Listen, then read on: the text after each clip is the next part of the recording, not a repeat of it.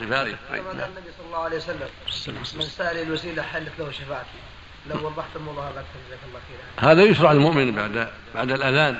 إذا أجاب المؤذن يقول النبي صلى الله عليه وسلم إذا سمعت المؤذن فقولوا مثل ما يقول. إذا سمعت المؤذن فقولوا مثل ما يقول. ثم صلوا علي. فإنه من صلى عليه واحد صلى الله عليه بها عشرة اللهم صل على وسلم ثم اسالوا الله عليه الوسيلة. فإنها منزله في الجنة. لا تنبغي الا لعبد عباد الله وأرجو أن أكون أنا هو فمن سأل الوسيلة حلت له شفاعتي يوم القيامة. فلو حلت له الشفاعة.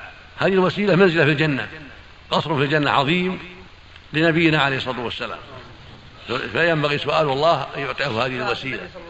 وفي اللفظ الآخر من قال حين يسمع النداء اللهم رب هذه الدعوة التامة والصلاة القائمة.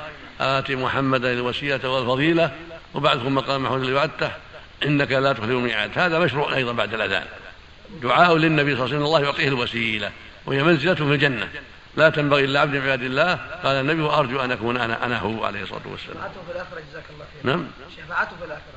شفاعته في الآخرة تطلب من الله ويشفع الامه يوم القيامة حتى يقضى بينهم حتى يدخل أهل المؤمنون الجنة لكن تقول اللهم شفع في نبيك اللهم اجعلني من أهل شفاعته اللهم لا تحرمني شفاعته ما تقول يا رسول اشفع لي ما تدعوه بعد وفاته صلى الله عليه وسلم تطلب الله أن الله يشفعه فيك اللهم شفع في نبيك.